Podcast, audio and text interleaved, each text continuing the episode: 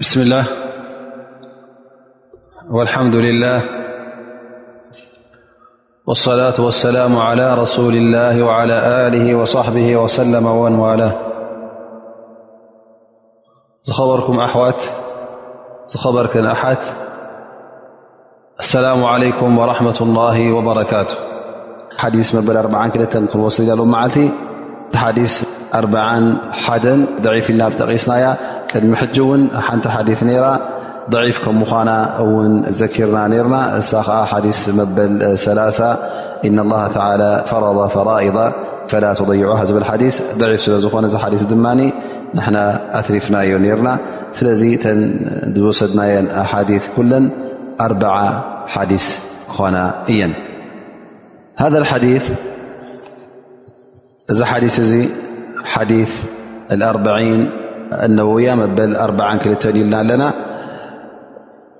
يقول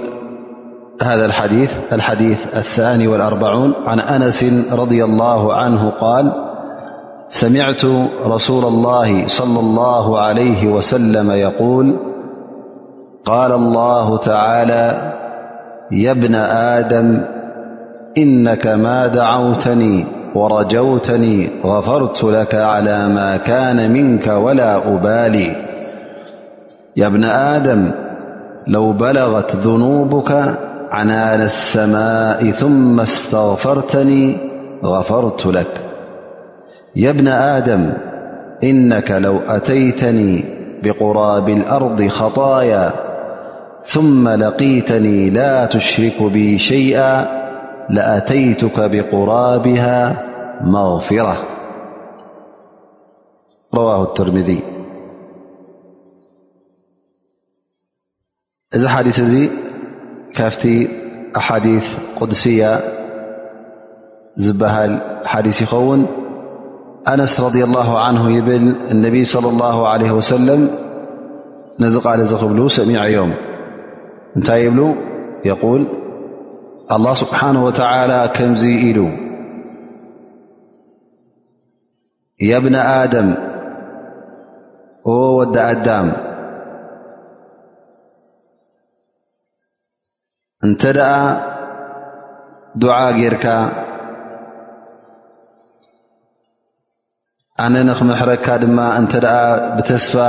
ዱዓ ጌርካ ኣተእስፊኻ ኣነ ውን ክምሕረካ እየ غፈርቱ ለክ ኣነ ውን እምሕረካ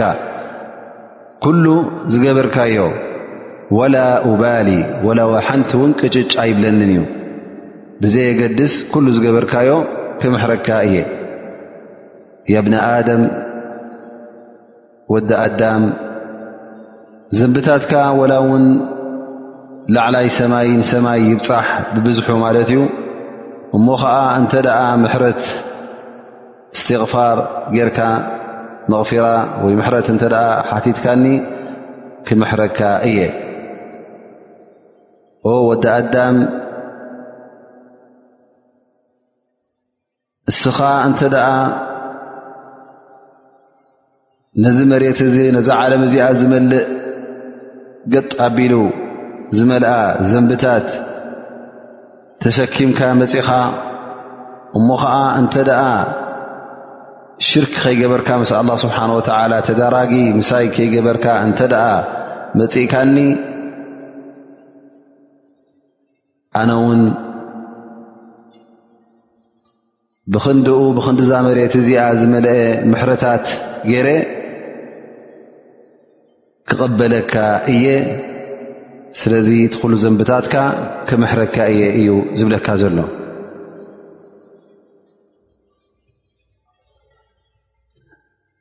ኢዘን እዚ ሓዲስ እዚ በቲ ሓፂር ትንተናናቱ እዚ ይኸውን ማለት እዩ እንሻ ላ ሕጂ ድማ ናፍቲ ሰፊሕ ትንተና ንመሓላለፍ እዚ ሓዲስ እዚ እንተ ኣስተብሂልናሉ ዓብዪ ትርጉም ዝሓዘለ ጉዳይ ናይ ተውሒድ እውን ዓብዪ ኣገዳስነት ከም ዘለዎ ማለት ሓደነት ኣላ ስብሓን ወተዓላ ክተዕቅብ ከለኻ ህይወትካ ብተውሒድ ንሓደ ኣላ ስብሓን ወተዓላ ጥራይ እናምለኽካ ክትከይድ ከለኻ እዚ ሓዲስ እዚ ሓዲስ ኣገዳሲ ሓዲስ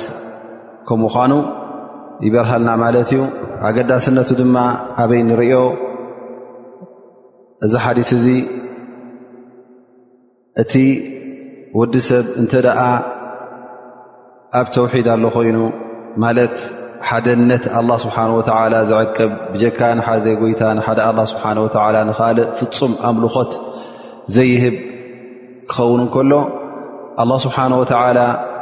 ትዘንቡ ወላ እውን ይብዛሕ ክምሕሮ ከም ምዃኑ እቲ ምሕረት ኣላ ስብሓን ወተዓላ ድማ ዘይተኣደነ ወሰን ዘይብሉ ምሕረት ከም ምዃኑ ንርኢ ኣለና ማለት እዩ ከምኡ እውን እዚ ሓዲስ እዚ ጉዳይ ምሕረት ካብ ኣላ ስብሓን ወተዓላ ምሕታት ንሕፈት እስትቕፋር ካብ ኣላ ስብሓን ወተዓላ ምሕታት ኣገዳሲ ስለ ዝኾነ እንታይ ዝብገብር ዘሎ ንዓና ይደፋፍኣና ኣሎ ማለት እዩ ምእንቲ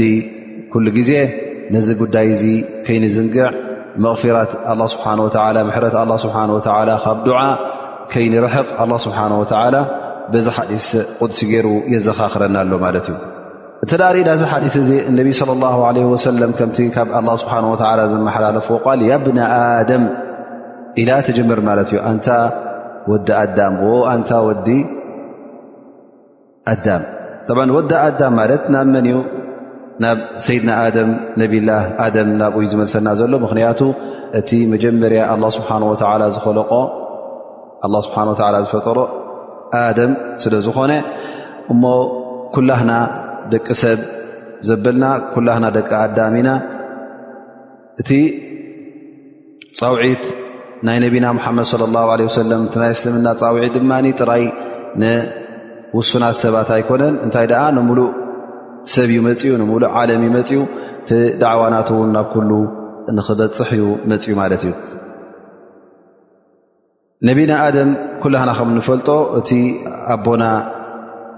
መጀመርያ ፍጥረት ብኡ ተጀመረ ናይ ወዲ ሰብ ኮይኑ ኩላህና እውን ካብኡ ተዋለድና ንኸውን እሱ እውን ነቢይ እዩ ኣን ላ ስብሓን ወላ የል እና ላ ኣስጠፋ ኣደመ ወኑሓ ወኣለ እብራሂማ ወኣለ ዕምራና ዓላ ዓለሚን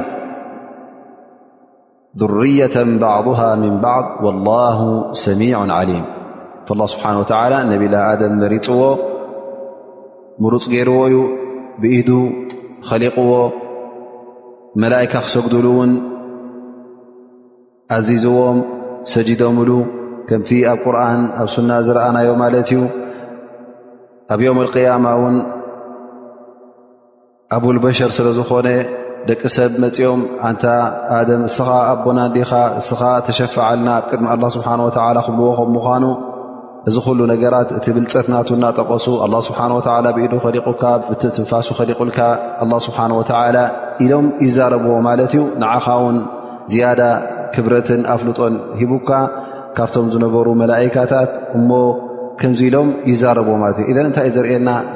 ነቢና ኣደም ዓለ ሰላም ፍልይ ዝበለ ብልፀት ከም ዝነበሮ ይርእየና ማለት እዩ ግን ነቢላ ኣደም ድማ ኣላ ስብሓን ወተዓላ ዝኸልከሎ ገረብ ካብኣ ሸይጣን ተታሊሉ ሸይጣን ወሲስዎ ካብኣ ከም ዝበልዐ እውን ርኢና ሸይጣን እውን ከም ዘጋገዮ ኣብ መጨረሻ ድማ ናብ ጎይታ ምሕረት ሓቲቱ ከም ዝተመለሰ ኣላ ስብሓን ወተዓላ ከም ዝመሓሮ ድማ ኣብ ቁርን ተጠቒሱልና እዩ ሕጂ ኣላ ስብሓን ወተላ ኣብዛ ሓዲስ ቅድሲ ያብነ ኣደም ክብለና ከሎ ከኣነሁ እንታይ ይመስል እቲ ጌጋ እቲ ዘንቢ ምፍፃም እዚ ነገር እዚ ሓድሽ ነገር ኣይኮነን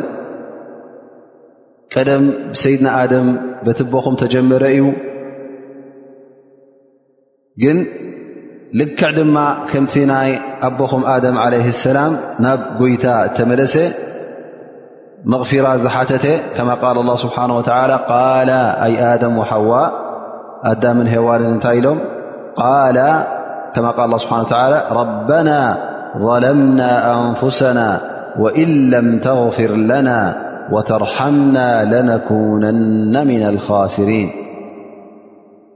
ኣንታ ጎይታና ንሕና ንብስና ወፂዕና ኢና እሞ እንተ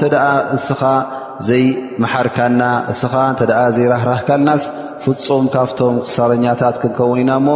ኣንታ ጎይታና መሓረና ኢሎም ኣደምን ሓዋእን ክልቲኦም ናብ ኣላ ስብሓን ወተላ ቶባ ኢሎም ከም ተናስሑ ኣላ ስብሓን ወተላ ቁርን ሓቢሩና እዩ እሞ እቲ ናይ ኣቦና ተግባር ንዕኡ ክንክተል ናብ ጎይታና ናብ ኣላ ስብሓን ወተላ እንተ ተጋጊና ናብኡ ንክንምለስ መቕፊራ ንክንሓትት ኣላ ስብሓን ወተላ ድማ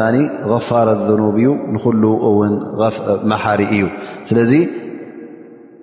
ታሪክ ናይ ኣቦኹም ኣደም ሒዝኩም ኣብቲ ናይ ምሕረት ምሕታት ናብኡ ተወጅሁ እዩ ዝብለና ዘሎ ማለት እዩ ከኣ ላ ስብሓን ወላ ኣብዛ ሓዲስ እዚኣ ያብነ ኣደም ክብል እንከሎ ሕጂ ምስኡ የተኣሳስረልና ኣሎ ማለት እዩ ወዲ ሰብ ድማ ከምቲ ዝበልናዮ የጋገ ሸይጣን የጋግዮ ሸይጣን ድማ ኩሉ ግዜ ኣጋግዩ ፅባሕ ንግሆ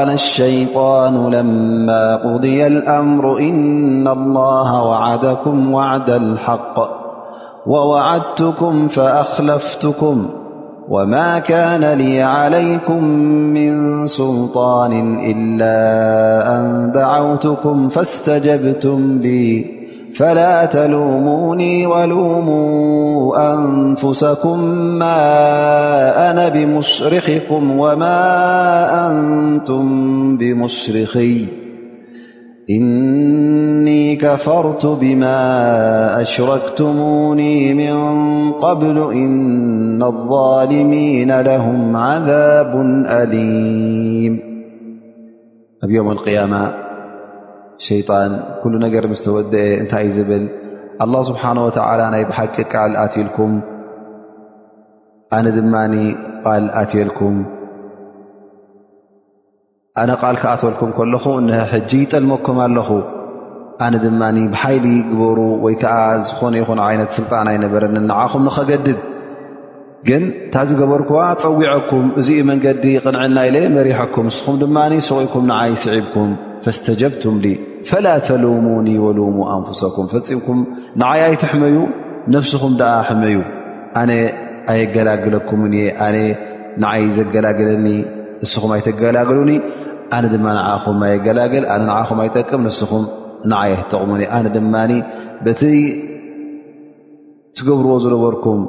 ንዓይ ትሰምዑኒ ዝነበርኩም እነሀ ሎሚ ክሒደኩም እየ ኢሉ እዚ ሸይጣን ካባና ይርሕቕ ስለዚ ከምዚ ካብ ኮነ ስለምንታይ ኢና ነዚ ሸይጣን እዚ ደድሕሪኡ ንስዕብ ፃውዒቱ ንኽተል ፈፂምና ክንክተል የብልናን ክንጥንቀቕ ኣለና ጠብ ሕጂ እዚ ሓዲስ እዚ ኩሉ ኣብ ምንታይ እዩ ዝፀቅጥ ዘሎ ኣብ ናይ ምሕረት ምሕታት መቕፊራ ምሕታት ካብ ኣላ ስብሓን ወተላ ኣላ ስብሓን ወተላ ድማ ፍፁም ምሕረተኛ ከም ምዃኑ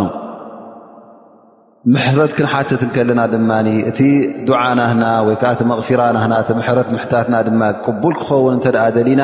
ቀዳማይ ነገር ዱዓ ክንገብር ኣለና እዚ ሓዲስ እዚ እንታይ እዩ ዝብል ዘሎ ያብኒ ኣደም እነከ ማ ደዓውተኒ ማለት ኣብቲ ዱዓ ትገብረለይ ግዜ ኣብቲ እዋናትካ ዱዓ ትገብረለይ ንዓይ ትጥርዕ ካባይ ትሓትት ፀሎት ትገብረለይ እዋን እሞ ኸዓ እዚ ፀሎት ወይ ከዓ እዚ ዱዓ እዚ ጥርዓን እዚ ተስፋ ዝመልኦ ክምሕረካ ከም ምዃነይ ብተስፋ ዱዓ ክትገብር እንከለኻ ካባይ ክትጠልብ እንከለኻ ኣነ ድማ ይምሕረካ እየ ኢሉና ማለት እዩ እዘን እታ ዱዓ ንገዛእ ርእሳ ዓባይ እያ ሊኣና ላ ስብሓን ወተዓላ እውን እንታይ ይብል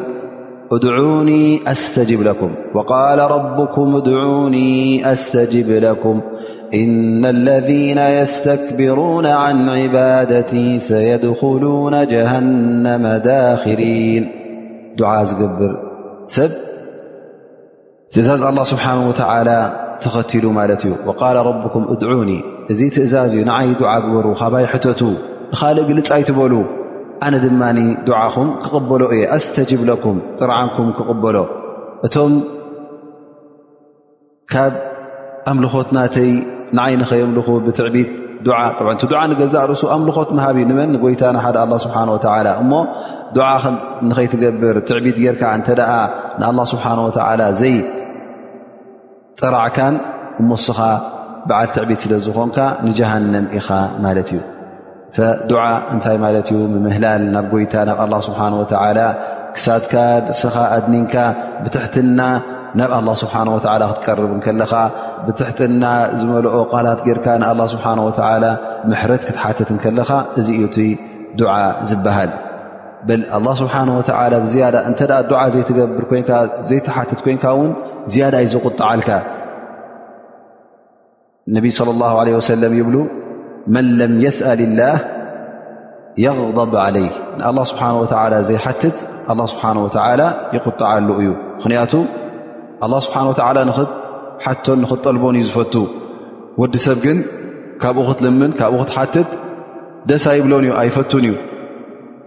ምኽንያቱ ክትልምኖ ከለኻ ክበካ እተ ሂቡካ ክጎድሎ እዩ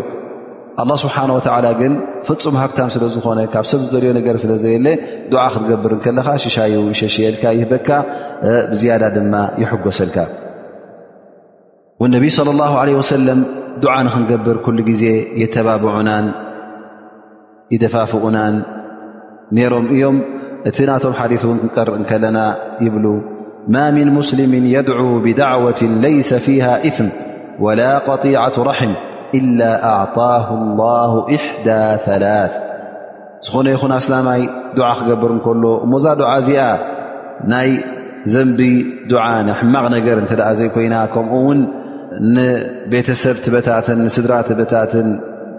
ትቆራርፅ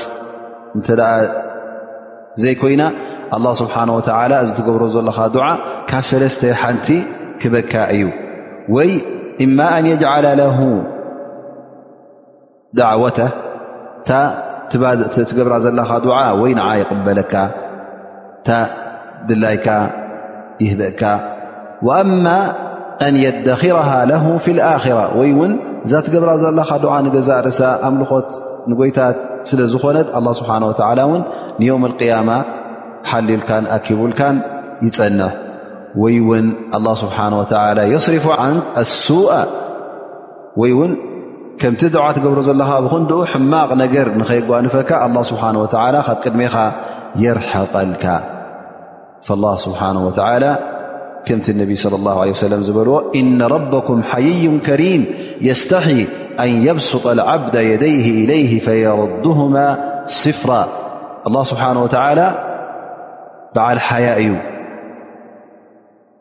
ለጋስ እዩ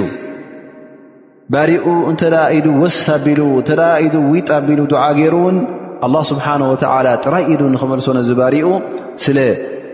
ዘሕፍሮን ሓያ ስለ ዝገብር ኣላ ስብሓን ወተላ ንኢድ ወዲ ሰብ ጥራያ ኣይመልሳን እዩ ኢሎም ነቢይ ለ ላ ለ ወሰለም ሓቢሮምና እዮም ዱዓ እውን ነቲ ዘንብታትካ ንመቕፊራ ንኸብቅዖ እንተ ደኣ ኮይኑ ግዴታ ምዚ ነዚ ዱዓ እዚ ክትገብር ከለኻ እቲ ክማላእ ዝግብኦ ቅድሚ ኩነት ከተማልእ ኣለካ ካብቲ ዕንቅፋታት ናቱ ወይ ከዓ ካብቲ መጋረዲታት ናይ ዱዓ እውን ካብኡ ክትርሕቕ ኣለካ ቀንዲ ነገር ዱዓ ክትገብር ከለኻ ልብኻ ምሳኻ ክህሉ ኣሎ ኣብቲ ዱዓ ኣብኡ ክትረግፅ ኣለካ ብማዕና ዱዓ ክትገብር ከለኻ ልብኻ ኣብ ካልእ ጥራይ ብመልሓስካ ኣይኮነን እንታይ ደኣ እቲ መልሓስካን ልብኻንሲ ሓድር ክኸውን ኣለዎ እነ ላ ስብሓን ወተላ ላ የስተጂቡ ዱዓء ምን ቀልቢ غፍል ላህን ላ ስብሓን ወተላ ካብ ህልእ ጥፉእ ልቢ ሕዱር ዘይኮነ ልቢ እንተ ደኣ ዱዓ ዝገብር ኣሎ ኮይኑ ኣላ ስብሓን ወተዓላ ድዕኡ ኣይቀበሎን እዩ ከምኡ ውን ዱዓ ክትገብር ከለኻ ኣላ ስብሓን ወተዓላ እዚ ዱዓ ናካ ክቕበለ ከም ምኳኑ ርግፀኛ ክትከውን ኣለካ ኢማን ክህልወካ ኣለዎ ኣላ ስብሓን ወተዓላ ክበኒ ኢልካ ክትኣምን ኣለካ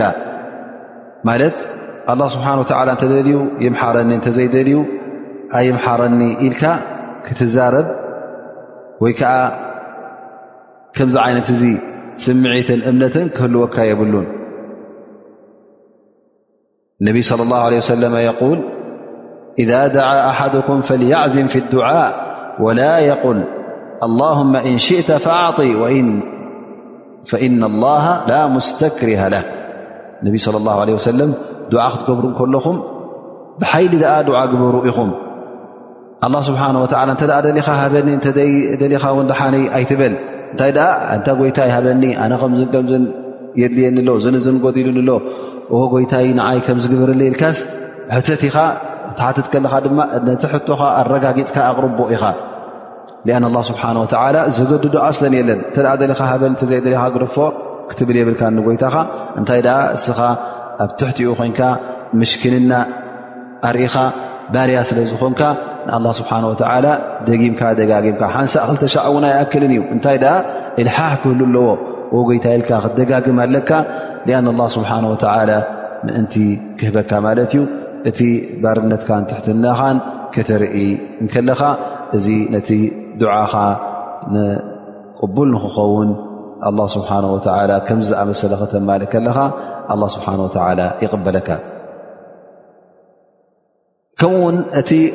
ረጃእ ዝበልናዮ ተስፋ ዝበልናዮ ኩሉ ግዜ ሙእምን በዓል ኢማን ተስፋ ክህልዎ ኣሎ ተስፋ ክበሃል እንከሎ ድማ ኣላ ስብሓን ወተላ ድዓኻ ከም ዝቕበለካ ተስፋ ትገብር ምሕረካ ከም ምኳኑ ተስፋ ትገብር ር ሒዙልካ ከም ዘሎ ሰናይ ኣዳልዩካ ከም ዘሎ ኩሉ ግዜ ተስፋ ክትገብር ኣለካ ማለት እዩ እዚ ተስፋ ምግባር ድማ መዓስ ኢኻ ተስፋ ትገብር እንተ ሰናይ ፅቡቕ ትገብር ኣለካ ኮንካ ግን ሕማቕ ነገር እናገበርካ ማዕስያ እናፈፀምካ ከም ድላይካ እናዓንደርካ ኣላ ፍሩ ራሒም እናበልካ ክትከይድ ከለኻ እዚ ተስፋ ምግባር ኣይኮነን እዚ ጥፍኣት እዩ ንገዛ ርእሱ ተስፋ ምግባር ኣይኮነን ካብ ተስፋ ውን ዝረሓቀ እዩ እዚ እንታይ እዩ ዕሽነት ይበሃል ዕሽነት ይበሃል ጥፍኣት ይበሃል ኣ እምበር ተስፋ ክበሃል እንከሎ እንተ እናፈራህካን እና ተስፋ እናገበርካን ክትከይድ ከለኻ እነቢይ ስለ ላሁ ለ ወሰለም ኣብቲ ግዜኦም ሓደ መንእሰይ ዓፅረ ሞት ሒዝዎ ናብ ሞት እናተቃረርበ ከሎ ዝያራ ክገብርሉ ይመፅዎ ማለት እዩ ነቢ صለ ላه ለ ሰለም ይሓትዎ ከይፈ ተጅዱ ከመይ ኣለኻ ከመይ ትኸውን ኣለኻ ኢሎም ምስ ሓተትዎ ይቓል ኣርጁ ላሃ ወኣኻፉ ذኑቢ ተስፋ ካብ ኣላ ኣለኒ ኣብ ርእሲኡ ግን እቲ ዝገበርክዎ ገበናት እቲ ዝገበርክዎ ዘንብታት የስግኣንን የፍርሃንን ኢሉ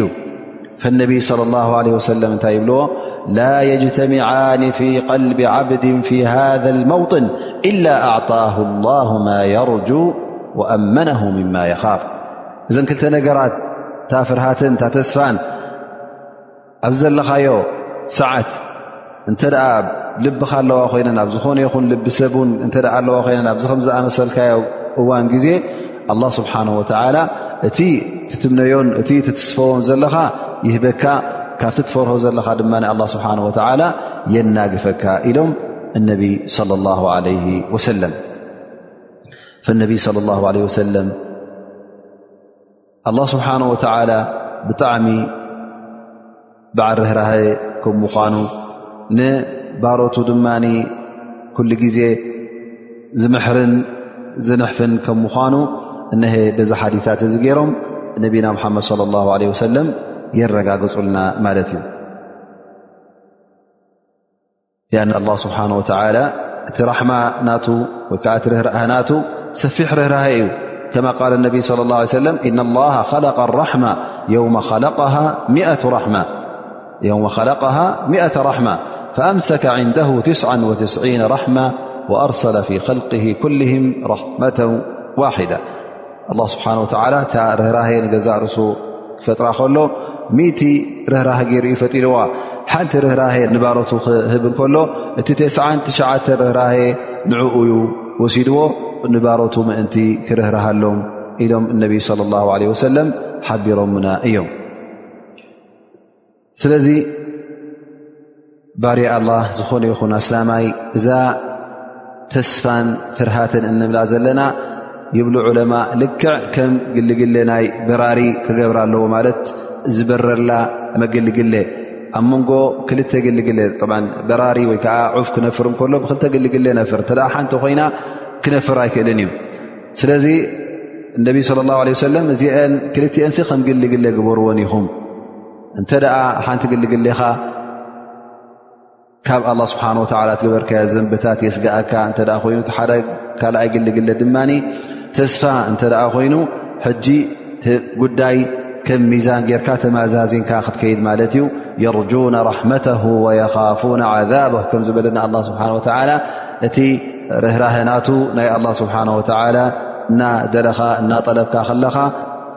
ከምኡ ውን እቲ ዓዛብ ናይ ኣላ ስብሓን ወተላ ስቓይ ናይ ኣላ ስብሓን ወተላ እውን ትፈርህ ማለት እዩ ብድሕሪ እዚ ኣብ ናይ ተስፋ ምቑራፅ ክንኣቱ እንተ ደኣ ኮይና ንሕና ተስፋ ኢልና ርና ማለት እዩ እቲ ተስፋ ምቑራፅ ንገዛ ርእሱ ድማ እንታይ ይኸውን ኣላ ስብሓን ወተላ ዘይፈትዎ ካብቲ ዓበይቲ ዘንብታት ኮይኑ ንረኽቦ ማለት እዩ ምን ከባኢረ ኑብ ምን ከባር ኣኑብ ኮይኑ ንረኽቦ ማለት እዩ እንታይ ዩ እሱ ተስፋ ምቑራፅ ማለት ኣላ ስብሓን ወተላ ፍፁም ኣይምሕረንን እዩ ኣላ ስብሓን ወተላ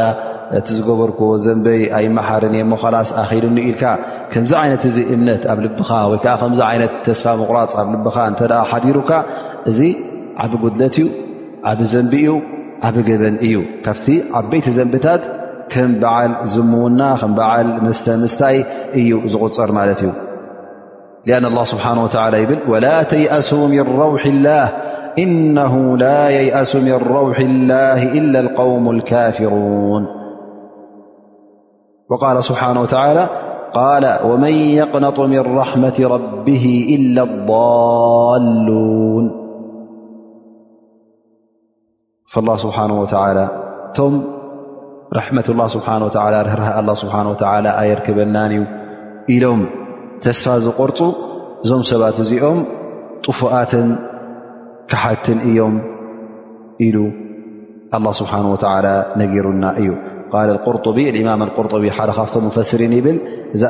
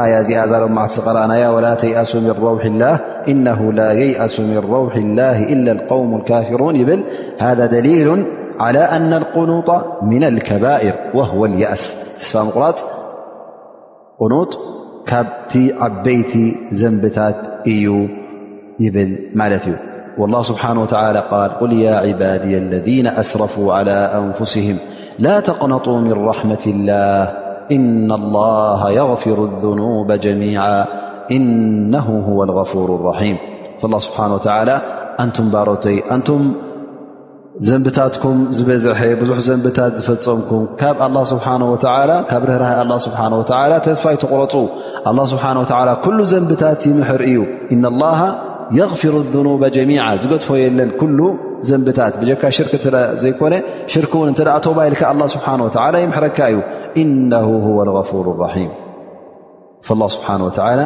እቲ ቕኑጥ ዝበሃል ተስፋ ምቑራፅ ዝበሃል እዚ ሓራም ከም ምዃኑ ሎም መዓልቲ እዛ ደርሲ እዚኣ ንገዛእ ርእሳ ዓባይ ደርሲ እያ ምኽንያቱ ሓደ ሰብ ዓመታት ይገብር ማለት እዩ ኣብ ምንታይ ኣብ ማዕስያ ኣብ ጥፍኣት ኣብ መጨረሻ ቶባ ግበር ክትብሎ ከለኻ ወይ ከዓ ረቢ ፍራህ ክትብሎ ከለኻ እንታይ ይብል ኣነ ድሕሪ ሕጂ እሞ እንታይ ክኸውን እየ ኢሉ ተስፋ ይቆርፅ እዚ ዝገበርክዎ ገበናት ንገዛእ ርእሱ መዓስ ቀሊል ኮይኑ ኢሉ ተስፋ ቆርፅ ኣብቲ ጥፍኣቱ ድማ ኣብኡ ይቕፅል ስለዚ እዚ ነገር እዚ እዚ ከምዚ ዓይነት ተስፋ ምቁራፅ ኣድላይ ከምዘይኮነ ሓራም ከም ምኳኑ እውን ነሀ ሎሚ ኣብዚ ሓዲስ እዚ ንርዳእ ኣለና ማለት እዩ ኣላ ስብሓን ወተላ ኣብዚ ሓዲት ቁድሲ ነቢና ሙሓመድ ለ ላ ለ ወሰለም ዘመሓላለፎ ክንርኢ እንተ ደኣ ኮይና እውን እንታይ ይብል መ ስተغፈርተኒ እንተ ወዲ ኣዳም ዘንብታትካ ሰማይ እንተ ዝበፅሕ ኣ ለው በለغት ذኑቡካ ዓናነ ሰማء ኢሉ ሽዑ ማለት ዘንብታትካ ብሰንኪ ብዝሓታ ላዕላይ ሰማይ ወይ ንላዕሊ ንሰማይ ገፃ በፂሓ ብሰንኪ ብዝሐናታ እሞ ብድሕሪኡ እውን እንተ እስትቕፋር ሓቲትካ ኣላ ስብሓን ወተላ ክቕፍረልካ ክምሕረካ እዩ ዛንታ ናይቲ ቅድሚ ሕጂ እውን ነቢ ለ ላ ሰለም ዛንታ ናይቲ ሚእቲ ሰብ ዝቐተለ እውን ነጊሮም እዮም እነቢ ስለ ላ ለ ሰለም እሱ ከዓ ሓደ ሰብኣይ ተ9 ትሽዓተ ሰብ ምስ ቀተለ ከይዱ ንሓደ ዓብድ ዕልሚ ዘይብሉ ላኪን ተረኣዮ ካብቶም ዒባዳ ዝገብሩ ካብቶም ፈራሃት ረቢ ኮይኑ ተሰሚዕዎ ከይዱ ተሓተቶ ኣንታ ኣነስ ተ9 ሰብ ቀትለ ሞ ንረቢ ዶ ይቕፍረለ ይምሕረ ንኸውን ኢሉ ይሓቶ እሞ እሱ ከዓ እንታይ ይብሎ ተ9 ትሸዓተ ሰብ ቀትልካ ሞ ሕጂ ረቢ ክቕፍረልካ ደሊ ኣለኻ ኢሉ ተዛሪቡ ከምዚ ኣይረቢ ንዓኻስ ድምሕረኒ መሰኒ ኢሉ ምስ ተዛረቦ እሞ ኻላስ ኢልዎ ምምሓር እተ ደይብላ ኮይና መመላእታ ሚቲ ድማ ንዓኻ ክገብረካ ኢሉ ቀትልዎ ማለት እዩ ፀኒሑ ፀኒሑ ግን ዳሕራያ መጨረሻ ናብ ሓደ ፈላጥ ናብ ሓደ ዓለም ናብ ሓደ ምሁር ከይዱ ዕልሚ ዝፈልጥ ናብኡ ከይዱ ሓቲትዎ ኣነ ሚቲ ቀትለ እሞ ከመይ እዩ ኣነ ስቕፍረለይ ዩ ረቢ ኣይቕፍረለይ ናይ ምሕረኒ ዶ ኢሉ ምስ ሓተቶ መን ኣብ መንጎኻን ኣብ መንጎ ጎይታኻን ኮይኑ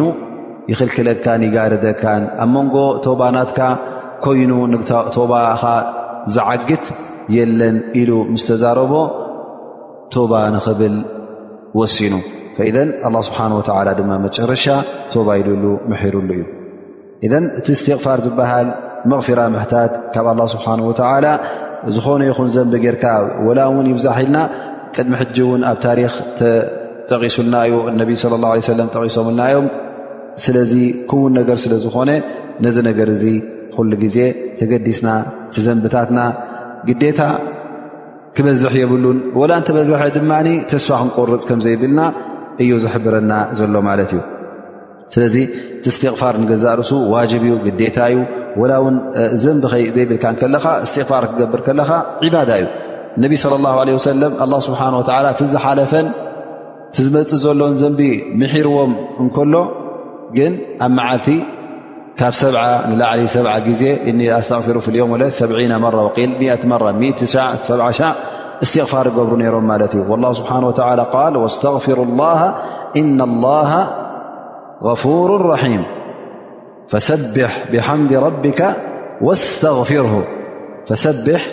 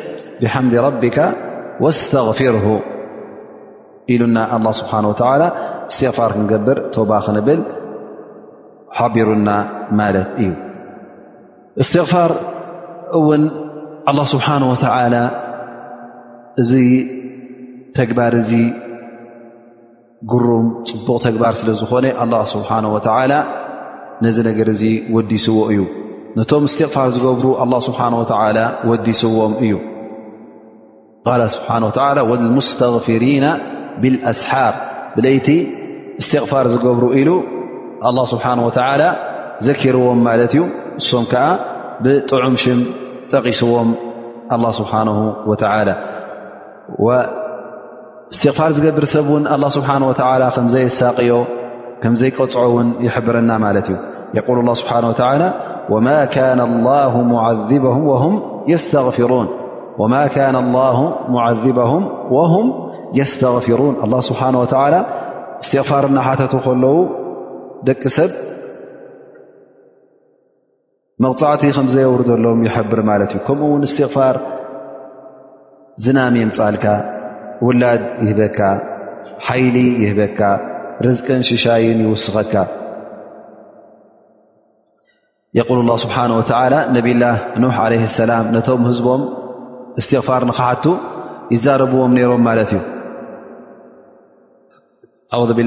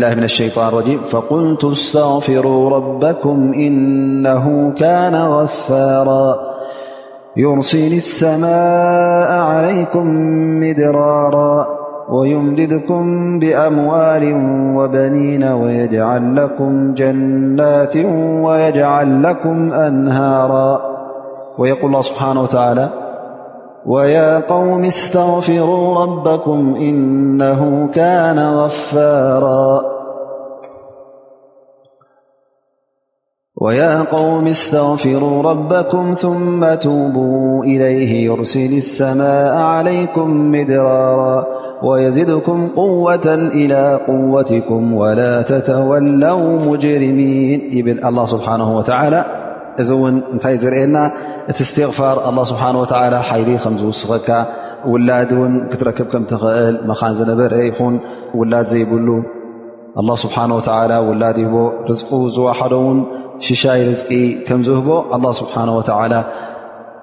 ይሕብረና ኣሎ ማለት እዩ እስትቕፋር ጠብ እስትቕፋር ክትገብር ከለኻ ብዙሕ ዓይነት እዩ ማለት እቲ ኣበሃህላ ናቱ ወይከዓ እትጥቀሞ ቃላት እተ ክንርኢ ኮይና ብዙሕ ዓይነት ኣሎ ተፍሩ ላ ም ክትብል እተ ኮይኑ ስተፍሩ ላ ም ኣቱ ኢለ ዲካ ትብል ከመይ ጌርካ ኻ ሲቀት ስትቕፋር እተ ክንርኢ ኮይና ነቢ ስለ ላ ለ ሰለም ሓደ ካብቲ ዝጠቀሱልና ሰይድ እስትቕፋር ዝበሃል ኣሎ ማለት እቲ ልዑል ዝኾነ እስትቕፋር ናይቲ እስትቕፋር ዝለዓለ ኣገባብ ወይ ከዓ ዝለዓለ ቃላት እተ ክንወስድ ኮይና ሰይድ እስትቕፋር ዝበሃል ኣሎ እሱ ከዓ እንታይ እዩ ከምቲ ነቢ ስ ሰለም ዝበልዎ ኣላሁማ ኣንተ ረቢ ላኢላሃ ኢላ ኣንት ኸለቅተኒ ወኣና ዓብዱክ ወኣና ዓላ ዓህድክ ووعدك ما استطعت أعوذ بك من شر ما صنعت وأبوء لك بنعمتك علي وأبوء لك بذنبي فاغفر لي فإنه لا يغفر الذنوب إلا أنت ز سيد الاستغفار لأ النبي صلى ل ليه وسلم قال إذا قالها حين يمسي فمات دخل الجنة ኣው ካነ ምን ኣህሊ ልጀና እንተ ምሸት ኢልካያ ነዛ ዱዓ እዚኣ ነዛ እስትቕፋር እዚኣ ነቢ ስለ ላ ለ ሰለም እዛ መዓልቲ እዚኣ እተ ሞትካ እዛ ለይቲ እዚኣ ካብ ኣህሊ ልጀና ኢኻ ትኸውን ኢሎም ማለት እዩ ኣላሁማ ኣንተ ረቢ ኣንታ ኣላ እስኻ ጎይታ ኢኻ ንዓይ ኸሊቕካኒ ኣነ ባርያኻ እየ ኣነ ድማ ኣብቲ ዝሃብካኒ ቃልን ዋዕድን ኪዳንን እየ ዘለኹ ብዝከኣለኒ ካብ ኩሉ ገበናተይ ድማ ካብ ኩሉ ሕማቓተይ ድማ ዝገበርክዎ ሕማቓት ናባኻ ይዕቆብ ኣለኹ እቲ ሽሻያ ድማ ናባኻ ይመልሶ ስለዚ ዝገበርክዎ ዘንብታት ድማ ብጀካኻ ዝምሕሮ ስለ ዘየለ ናባኻ ይምለስ ነቲ ዘንበይ ተሰኪመ ስለዚ ኣንታ ጎይታይ መሓረኒ ብጀካኻ ዝምሕር የለን ትብል እያ ብከምዚ ትርጉም ክንህባ ንኽእል ማለት እዩ እዚኣ እታ ሰይደ እስትቕፋር ትበሃል ማለት ካልእ ዓይነት ኣገባብ ኣሎ ናይ እስትቕፋር እስተቕፍሩ ላ ለ ላላ ላ ወ ሓይ ቀዩም ወኣቱቡ ኢለይ ትብል ወይ ውን ረቢ غፍርሊ ወቱብ ዓለይ እነከ ኣንተ ተዋብ ራሒም ወይ ውን ስብሓነከ ላሁማ ወብሓምድ ኣስተغፍሩካ ወኣቱቡ ኢለይክ ከምዚ ዝኣመሰለ እስትቕፋር ትገብር ማለት እዩ ወይከ ኣስተغፍሩ ላ ዓظም ኣቱቡ ኢለይ ተበልካ እዚ ኩሉ ናይ እስትቕፋር ምሕታት ኣገባብ ወይ ከዓ ቃላት ስለ ዝኾነ ብከምዚ ጌርካ ትገብር ማለት እዩ ኩሉ ግዜ እታ እስትቕፋር ምስ ቶባ እውን ተላጊባ ንረኽባ ማለት እዩ ተባ ክትብል ከለኻ ድማ ብዛዓበየ ንስሓ ይኸውን ማለት እዩ እስትቕፋርን ተባን እውን ምናልባሽ ሓደሓደ ግዜ ከም ሓደ ትርጉም ሒዙ ክኸይድ ይኽእል እዩ ላኪን እቲ እስትቕፋር ኩሉ ግዜ ናይቲ ዝሓለፈ ዘንብታት ቀንዕኡ ምሕረት ምሕታት ክኸውን ከሎ ቶባ ድማ ብድሕሪ ሕጂ ኣብ ከምዚ ዝኣመሰለ ዘንቢ ንኸይ ትወድቕ ቃል ትኣቱ ኣለኻ ማለት እዩ ወይ ከዓ ሃቂንካ ትዛረብ ኣለኻ ማለት እዩ ምክንያቱ ንስሐ ስለ ዝኾነ ዝገበርካዮ ጣዒሱካ ድሕሪ ሕጂ ከምኡ ንኸይትብድል ዝገበርካዮ በደል ናይ ቀደም ክመሓረልካ ኢልካ ተበግሶ ክትገብር ከለኻ እዚ እዩ እቲ ንሳሐ ወይ ቶባ ዝበሃል እቲ ቶባ ንገዛ ርእሱ ከምቲ ኩላትኩም ትፈልጥዎ ትኾኑ ቀዳማይ ነገር ቶባ ክቕበል ቶባኻ ወይ ከዓ ንሳሐ ናትካ ክቕበልልካ እንተደኣ ኮይኑ ካብ ማዕስያ ካብቲ ዝገብሮ ዘለኻ ገበን ካብ ዝገብሮ ዘለኻ ማዕስያ ጌጋስ ካብኡ ክትርሕቕ ኣለካ ከማ ቃል ላ ስብሓን ወተላ ወለም ይስሩ ዓላ ማ ፈዓሉ ወም ያዕለሙን ዝገብሮ ዘለኻ ገበን ክትገድፎ ኣለካ ምእንቲ እቲ ናይ ንሳሐ ሓቀኛ ከም ምኳኑ ንኸተርኢ ማለት እዩ እንተ ከምኡ ዘይኮነ ግን ሓቂ የብልካን ማለት እዩ እና ነቲ ገበን እና ፈፀምካዮ ከለኻ ወይ ከዓ እቲ ማዕስያ እናገበርካዮ ከለኻ ኣነ ቶባ በል ኣለኹ ክትብል ከለኻ እዚ ሓቂ ዘይብሉ ቶባ ይኸውን ማለት እዩ ከምኡ ውን ንፅህና ክህልወካ ኣለዎ ነዚ ዘንብ ዙ ነዚ ጌጋ ዚ ክትገድፍ ከለኻ ምእንቲ ኣላ ስብሓን ወተላ ኢልካ ሊላ ኢልካ ክትገድፎ ኣለካ ወማ እሚሩ ኢላ ሊያዕቡዱ ላ ሙክልሲና ለሁ ዲን ሙክሊሲና ለሁ ዲን ንኣላ ስብሓን ወላ ክትገብሩ ከለኻ ብንፅህና ሽዑ ይቕቡል ዝኸውን ኢነማ ኣማሉ ብንያት ንያ ናትካ እዩ ዝረአ ከምኡ ውን እንተ ሓቂ ናይ ሰብ ወይ ከዓ መሰል ናይ ሰብ ጊዝካ ርካ እተ ኮይንካ ገንዘብ ኮይኑ ወላ ውን ካልእ ዓይነት ገበን ፈፂምካ እተ ርካ ኮይኑ ነዚ ሰብ እዚ ገንዘቡ ክትመልሰሉ ዓሚፅካዮ ዝነበርካ ክትመልሰሉ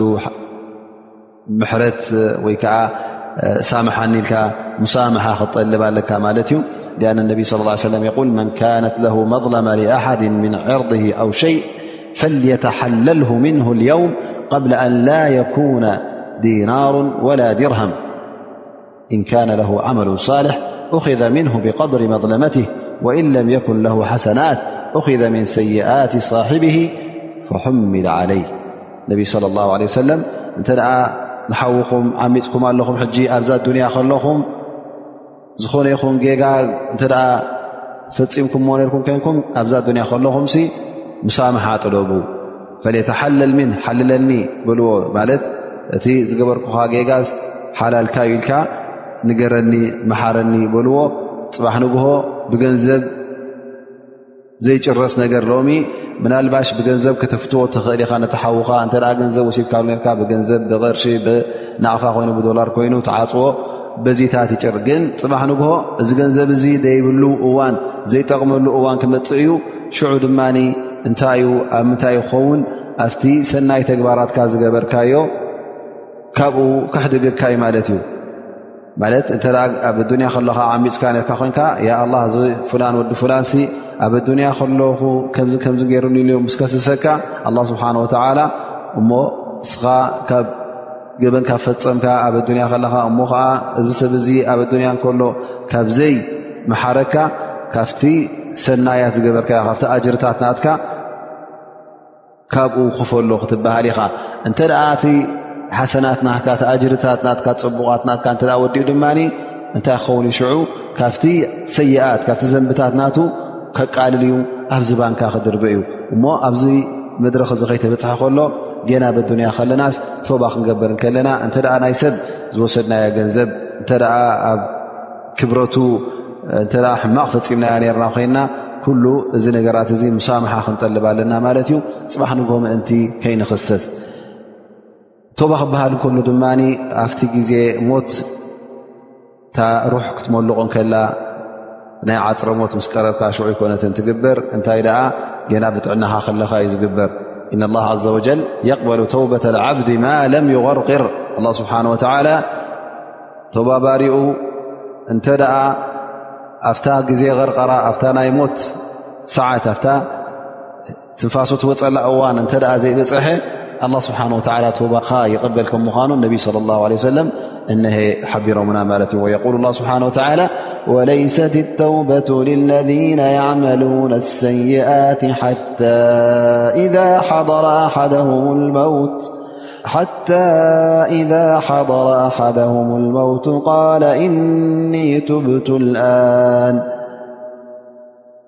እዚኦም ቶባ የብሎምን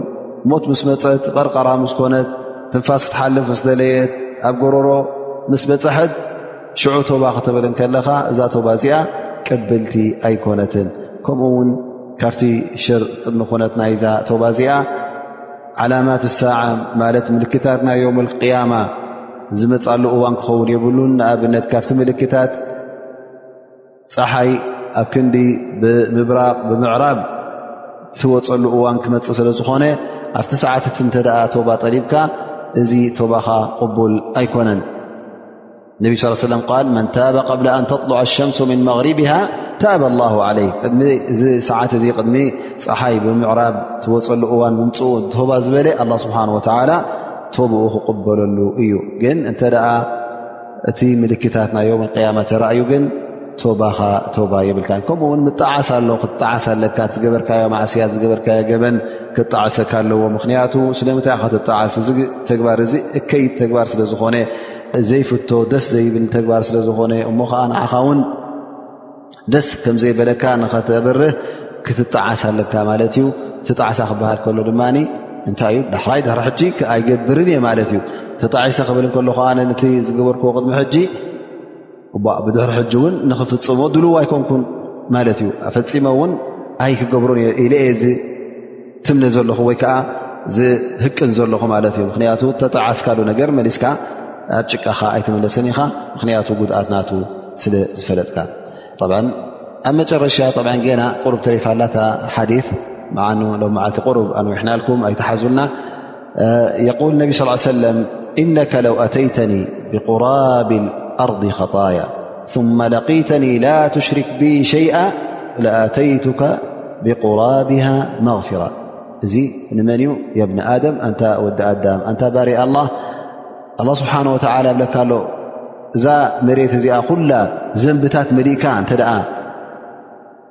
መፅእካኒ እሞ ክትመፀኒ ከለኻ እውን ሽርካ ከይገበርካ ምስ ኣላ ስብሓን ወተዓላ ማለት እቲ ኣምልኾትካ ንፁህ ፅሩይ ኣምልኾት ንጎይታኻ ንዓይ እንተ ነሩ ኮይኑ እቲ ዝገበርካዮ ዘንብታት ወላ እውን ነዛ መሬት እዚኣ ምልእ ዝመልኣ ይኹን ኣነ ድማ ክንዲዛ መሬት እዚኣ ዝመልኣ መቕፊራ ሒዘ ክቕበለካ እየ እዩ ዝብለና ዘሎ ኣላ ስብሓን ወላ ሽፉ ራሕመትላ ስብሓን ወተዓላ ራሕመት ላ ስብሓን ወተላ እቲ ርህራህናቱ ክሳዕ ክንደይ ዓብ ከም ምዃኑ ርእይዎ ኣላ ስብሓን ወተላ እዛ ዱንያ ኩላ እዛ መሬት እዚኣ ዘንብታት ወላ ምልኣያ ኣነ ድማ ብክንዲ እዛ ዱንያ እዚኣ መቕፊራ ክቕበለካ ይብለካ ኣሎ ማለት እዩ እዚ ክልተ ነጥቢ ኣገደስቲ ይርእየና ኣሎ ማለት እዩ ቀዳማይ ነጥቢ እቲ ተውሒድ እቲ ንኣምልኾት ኣላ ስብሓን ወተዓላ ምዕቃብ ንሓደነት ኣላ ስብሓን ወተዓላ ምሕላው ምስ ኣላ ስብሓን ወተዓላ ፍፂምካ ካልእ ተዳራጊ ዘይምግባር ክሳዕ ክንደይ ልኡል ከም ምዃኑ ክሳዕ ክንደይ ንዓኻ ዘኽብረካን ካብ ክንደይ ሽግራት ዘውፅእካን ናብ መቕፊራት ናይ ኣላ ናብ ምሕረት ኣላ ስብሓን ወተዓላ ዘብፅሓካ ከም ምዃኑ የረድኣና ማለት እዩ ካልኣይ ነጥቢ ድማ ኣላ ስብሓን ወተዓላ ክሳዕ ክንደይ ርህሩህ ከም ምዃኑ ኣዝዩ ራህራሂ ከም ምዃኑ እሞ ከዓ እዚ ኩሉ ዘንብታት ተሰኪምካ እናመፃእካ ኣብሽር እብለካ ኣሎ ኣላ ስብሓን ወተዓላ እንተ ደኣ ተውሒድ ኣለካ ኮይኑ እንተ ደኣ ንሓደ ኣላ ስብሓን ወተዓላ ጥራይ ተምልኽ ነርካ ኮይንካስ ኣጆኻ ኣይትፍራህ ኣነ ድማ ክምሕረካ እዩ ዝብለካ ዘሎ ማለት እዩ ስለዚ ምሕረት ኣላ ስብሓን ወተዓላ ዓብዪ ከም ምኳኑ ሽርክ ምስ ኣላ ስብሓን ወላ ተዳራጊ ምግባር ድማ ዓብ ዘንቢ ከም ምኳኑ ጥራይ ንሓደ ኣላ ስብሓን ወላ ከተምልኽ ከም ዘለካ እቲ ኣምልኾት እንብሎ ኩሉ ግዜ ደቂ ሰባት ምናልባሽ እታ ኣምልኾት እንታይ ከም ምኳና ክትሓቶም ከለኻ ወይ ከዓ ዘይፈልጥዋ ሰባት ኣለዉ ኣምልኾት ማለት ጥራይ ስጁድ ምግባር ምስጋድ ስእሊ ወይ ሰነ ኣምፅካ እተ ሰጊድካ ኣለዉ እዚ እዩ ኣምልኾት ሽርካ ንካልእ ምግባር ዳኣ እምበር ካልእ ነገራት ዘሎ ኣይመስሎምን ግን ንሕና ኩሉ ነገር ዒባዳ ዝስመ ኣምልኾት ዝበሃል ንኣላ ስብሓን ወተዓላ ዝግባእ ንኻልእ ፍጡር ክትህብ እንከለኻ እዚ ሽርካ ጌርካ ማለት እዩ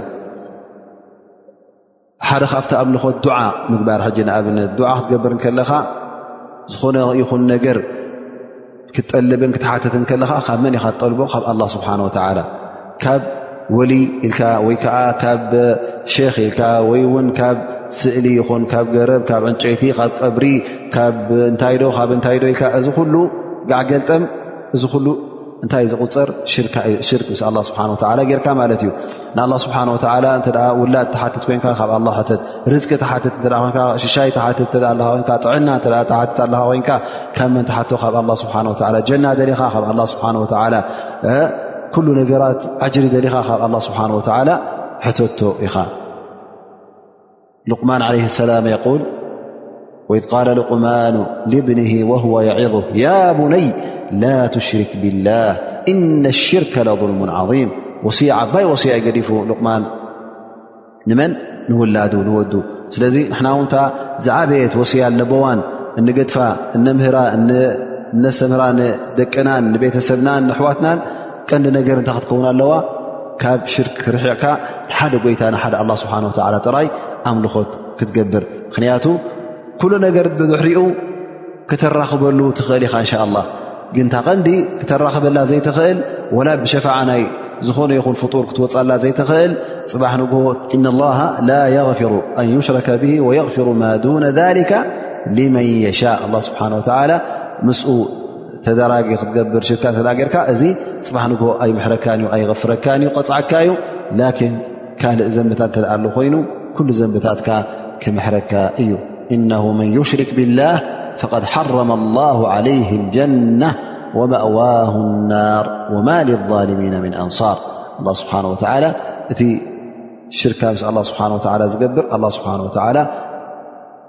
ጀና ሓሪምውሉ እዩ ጀና ንዕኡ ሓራሙ እያ ፍፁም ኣይርያን እዩ ኣይቀርባን እዩ ዝብለና ዘሎ ኣላ ስብሓን ወተላ ስለዚ ንጠንቀቕ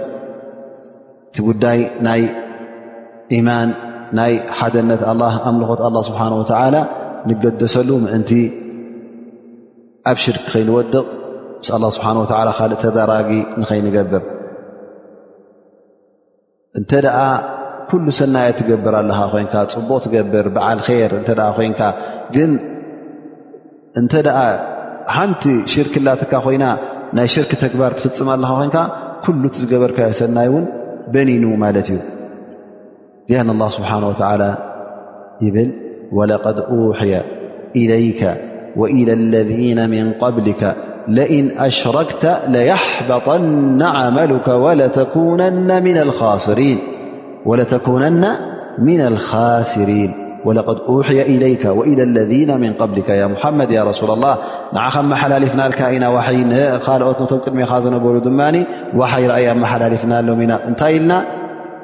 ለይን ኣሽረክተ እንተ ምስ ኣላ ስብሓን ወላ ሽርካ ጌርካ ተዳራጊ እተ ጌርካ ምስ ኣላ ስብሓን ወላ ለያሕበጠና ዓመሉ ኩሉ ተግባራትካ ክበንን እዩ ኮንቱ ክተርፍ እዩ ወለተኩነና ምና ልካስሪን ካብቶም ክሳረኛታት ካብቶም ጥፉኣት ድማ ክትከውን ኢኻ እዘ እቲ ሽርክ ንገዛእ ርእሱ